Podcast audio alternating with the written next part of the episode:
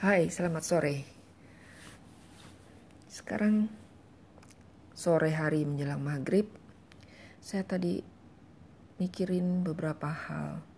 Kemarin saya habis menjenguk teman yang baru mendapatkan kabar uh, gembira, tetapi di sisi lain dia juga mendapatkan musibah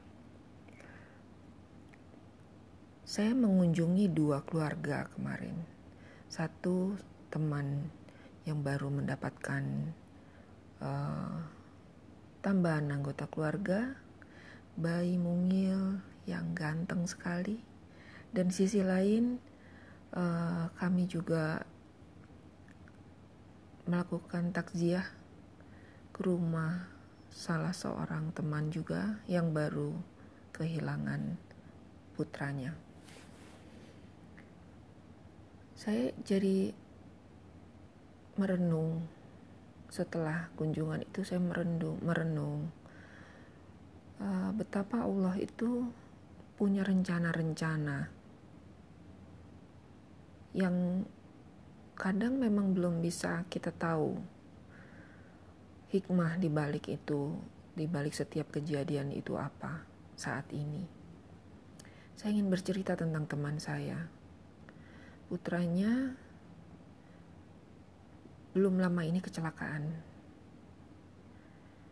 Saya melihat setelah hampir satu bulan setelah dia dioperasi, saya melihat betapa terpukulnya uh, anak itu. Baru mau mulai kuliah, sedang semangat, tapi kenyataan mengharuskan dia untuk menepi sejenak. Di saat teman-temannya semua sudah mulai masuk kuliah, dia harus legowo untuk tinggal di rumah. Masih ada beberapa hal yang masih harus dibenahi, masih ada beberapa bagian di wajahnya yang masih harus direhabilitasi Saya kira itu tidak mudah ya untuk diterima. Untuk anak remaja yang baru saja mau mulai memasuki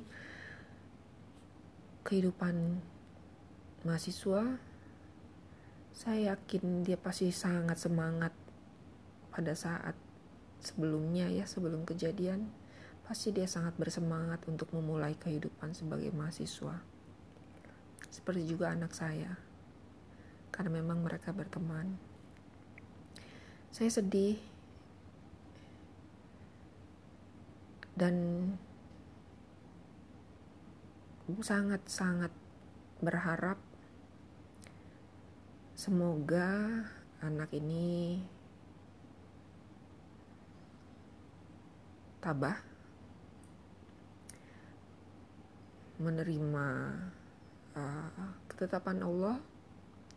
Karena segala yang terjadi saat ini itu sudah tertulis sudah ditetapkan oleh Allah sudah tertulis di Lauh Mahfuz 50 ribu tahun sebelum Allah menciptakan langit dan bumi. Bahwa si Fulan akan mengalami kecelakaan si Fulan akan kehilangan putranya, kesayangannya. Si Fulana akan memperoleh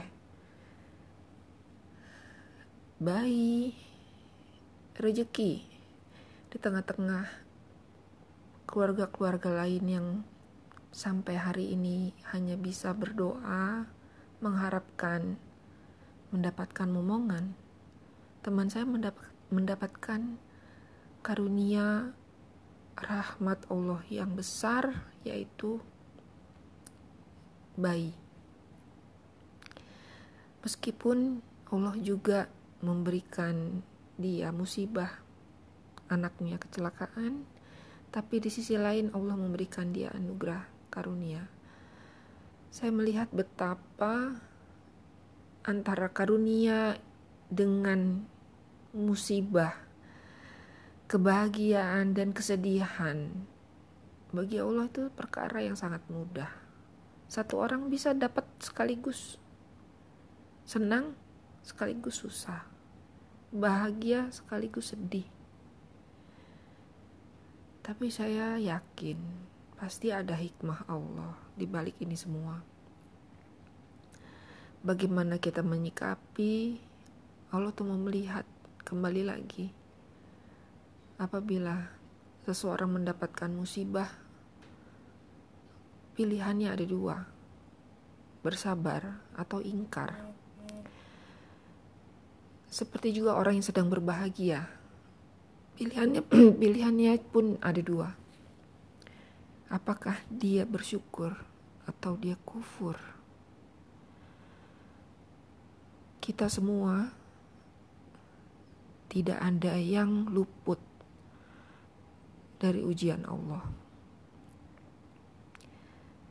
Semua ujian itu sama, tapi yang berbeda itu adalah cara kita masing-masing dalam menyikapi. Saya cuma mendoakan semoga keluarga teman saya bisa segera keluar dari masalah-masalah yang mereka hadapi dengan penuh ketakwaan kepada Allah, selalu bertawakal. Karena yang Allah inginkan dari kita adalah itu, tawakal. Semoga melalui musibah dan juga karunia rahmat yang Allah berikan, membuat mereka menjadi semakin taat beribadah, semakin bergantung kepada tali-tali Allah. Ketika kita bergantung kepada kepada tali Allah, maka tali-tali yang lain lepas. Tetapi apabila kita sampai berani bergantung kepada tali selain tali Allah, maka tali yang lain, tali-tali Allah akan lepas lepas. Sementara tidak ada tali yang lebih kokoh daripada tali Allah. Jadi, teman-temanku, semoga kita tidak pernah tertipu. Jangan sampai kita tertipu berpegang pada tali selain tali Allah. Saya melihat cara teman saya yang satu lagi dalam menanggapi musibah kehilangan putranya. Putra kesayangan, putra yang paling diharapkan saya kira. Paling cemerlang. Dia menyembunyikan sakitnya sekian tahun tidak pernah menceritakan apa pun kepada orang tuanya ataupun saudara-saudaranya. Sampai dia tidak bisa lagi menyembunyikan sakitnya dan dijemput dari luar negeri pada saat dia sedang mengambil S2. Jadi adiknya membawa pulang, barulah adiknya tahu kalau abangnya itu sakit tumor di otaknya. Kedengarannya seperti di cerpen-cerpen yang dulu pernah waktu kita remaja suka baca tapi yang ini kisah nyata. Dan bagaimana teman saya menyikapi dengan sabar. Semoga mereka mengikhlaskan keikhlasan mereka kembalinya anak mereka kepada Sang Pencipta. Akan dia hadiahi rumah di surga sebagaimana janjinya Allah pada mereka yang bersabar ketika miliknya anak mereka diambil oleh Yang Maha Kuasa. Karena memang tidak ada apa pun yang kita miliki karena semua ini adalah kembali milik dari Allah Ta'ala. Saya kira itu aja yang saya pengen share hari ini sedihnya saya melihat situasi teman-teman rasanya membuat saya berpikir apa yang saya alami nggak ada apa-apanya. Ujian kita belum tentu yang terberat teman-teman kalau kita mau lihat sekeliling kita. Semoga kita semua selalu diberi ketabahan, kesabaran oleh Allah. Bertawakal terus, menaati Allah dalam kondisi apa pun. Dan berdoa semoga Allah meluluskan kita menjadi orang yang lebih bertakwa. Nela Dusan, hear me out. Terima kasih udah dengar podcast saya. Selamat sore.